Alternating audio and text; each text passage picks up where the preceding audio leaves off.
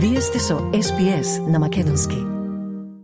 Умерено подготвена во поголем дел од политичките критериуми и добро подготвена во делот на економските. Ова е оценката на Европската комисија за Македонија во најновиот извештај за напредокот на земјава кон ЕУ, кој еврокомесарот за проширување Оливер Вархеи го презентираше при што рече дека земјава продолжила со напорите за јакнење на демократијата и владењето на правото и покрај некои предизвици. North Macedonia has made steady progress in implementing EU reforms, including in the areas of rule of law, fight against corruption, and organized crime. The country needs to keep up this momentum and make use of the screening process to explore its full potential and to accelerate reform. Слабата алка во извештајот во политичкиот дел е лоцирана во функционирањето на собранието, за кое во извештајот се наведува дека е поларизирано, што довело до одложување на носење на многу закони. За Европската комисија, приоритетно е да има заеднички и брз напор на сите партии за јакнење на улогата на собранието како форум за конструктивен политички диалог, особено за Европската реформска агенда. Предходно пред Комитетот за надворешни работи на Европскиот парламент, Вархеи ги спомена конкретно борбата против корупцијата, јавната администрација и усогласувањето на македонската со надворешната политика на ЕУ. The fight against corruption needs to be needs to continue and further efforts are needed in the area of public administration reform. North Macedonia has made very good progress in the area of CFSP and is now fully aligning with the EU positions and statements following the war in Ukraine. За јавната администрација за кој бил постигнат ограничен напредок во спроведувањето на минутогодишните препораки се нотира дека одложено е носењето на регулатива која треба да ги забрза реформите. Во делот за борба против корупцијата позитивно е спомената антикорупцијска за својата проактивност со барање нејзината работа да биде поддржана со зголемување на нејзините финансии и човечки капацитети. Освен јавната администрација и борбата против корупцијата, во извештајот оцена умерено подготвени добија и областите слободата на говорот и судскиот систем. Сепак, иако судството е умерено подготвено, комисијата нотира стабилна имплементација на стратегијата за реформи во правосудството, зашто војнина смета дека треба да биде посистематска. За разлика од политичките критериуми во економските, Македонија направила одреден напредок и постигнала добро ниво на подготовка во развој на функционална пазарна економија. Сепак, според комисијата, високото ниво на сивата економија и недостигот на стручен кадар на пазарот на трудот ја уназадува бизнис климата во земја земјава. Тоа заедно со големиот јасбо, транспортната и енергетска инфраструктура, ниските инвестиции и трошотите за иновации, комисијата смета дека го кочат потенцијалот за раст на Македонија.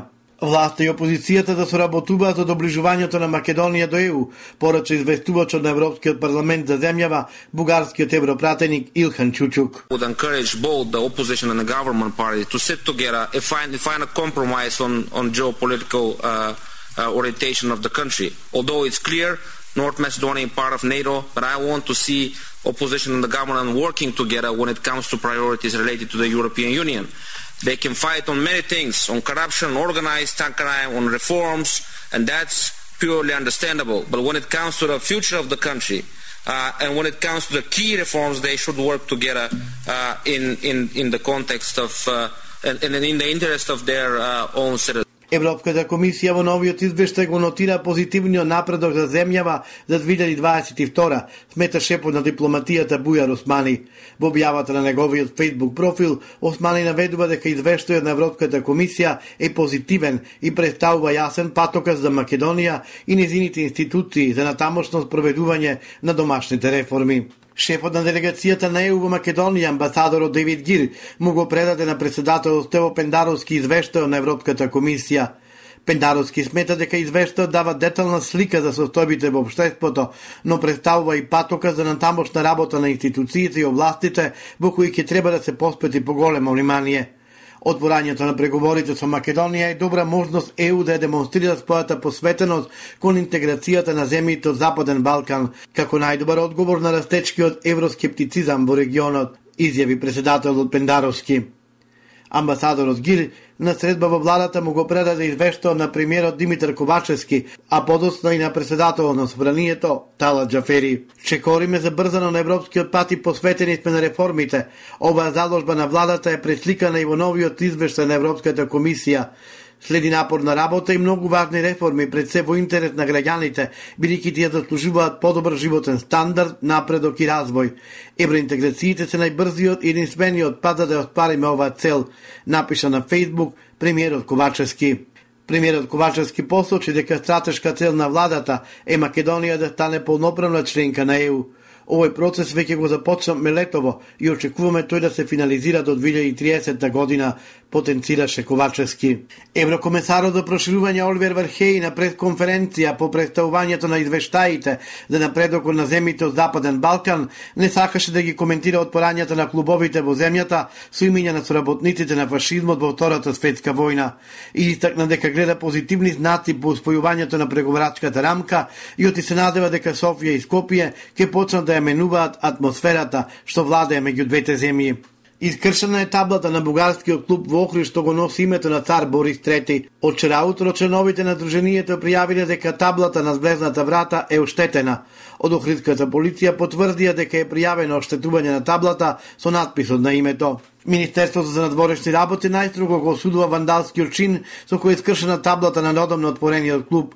Подсетуваме дека според Уставот и според долгогодишната пракса во земјава, сите граѓани на Македонија имаат еднаква слобода на дружување заради оспорување на нивните права и уверувања, се вели во сообштението од МНР. Барањето за одржување референдум поднесено од политичката партија Левица не е подготвено во согласно со собранискиот деловник, а прашањето е несоодветно поставено, смета председател на собранието Тала Джафери. Цитирам, убидов дека барањето не е подготвено во согласност со одредбите на деловникот, а особено член 135 од истиот, а и поставеното прашање упатува на несоодветно поставено прашање о причина што заклучоците не се обшт правен акт, закон или устав, и истите по негова природа и содржина се став која насочува владата во нејзиното постапување, наведе синоќа Джафери во сообщението како одговор на граѓанската иницијатива за држување референдум од Левица. Председател на собранието Джафери воено од предлагачот побара да го согласи барањето со одредбите од деловникот на собранието во одреден законски рок. Иницијативата не е одбиена, значи ова не е исклуче како со предходната иницијатива на ВМРО ДПМН. Ако правилно го читаме сообштението на Джафери, иницијативата е вратена на корекција, изјави лидерот на Левица Димитар Пасиев за Сител. Иницијативата не е одбиена, значи ова не е исклуче како со предходната иницијатива на ДПМН. Ако правилно го читаме, иницијативата, иницијативата е вратена на корекција, односно спикерот Джафери спротивно во него стил Силеджевски како уставен судија, но сега со друга финта ние врати да ја усогласиме во рокот 15 дена. Ние впрочем тоа ќе го направиме.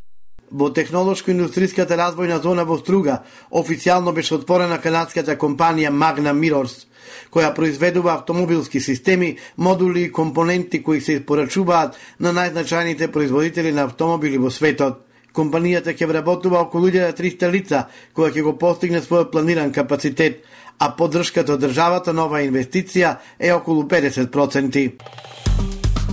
Стиснете, ми се допаѓа, споделете, коментирајте. Следете ја SPS на Македонски на Facebook.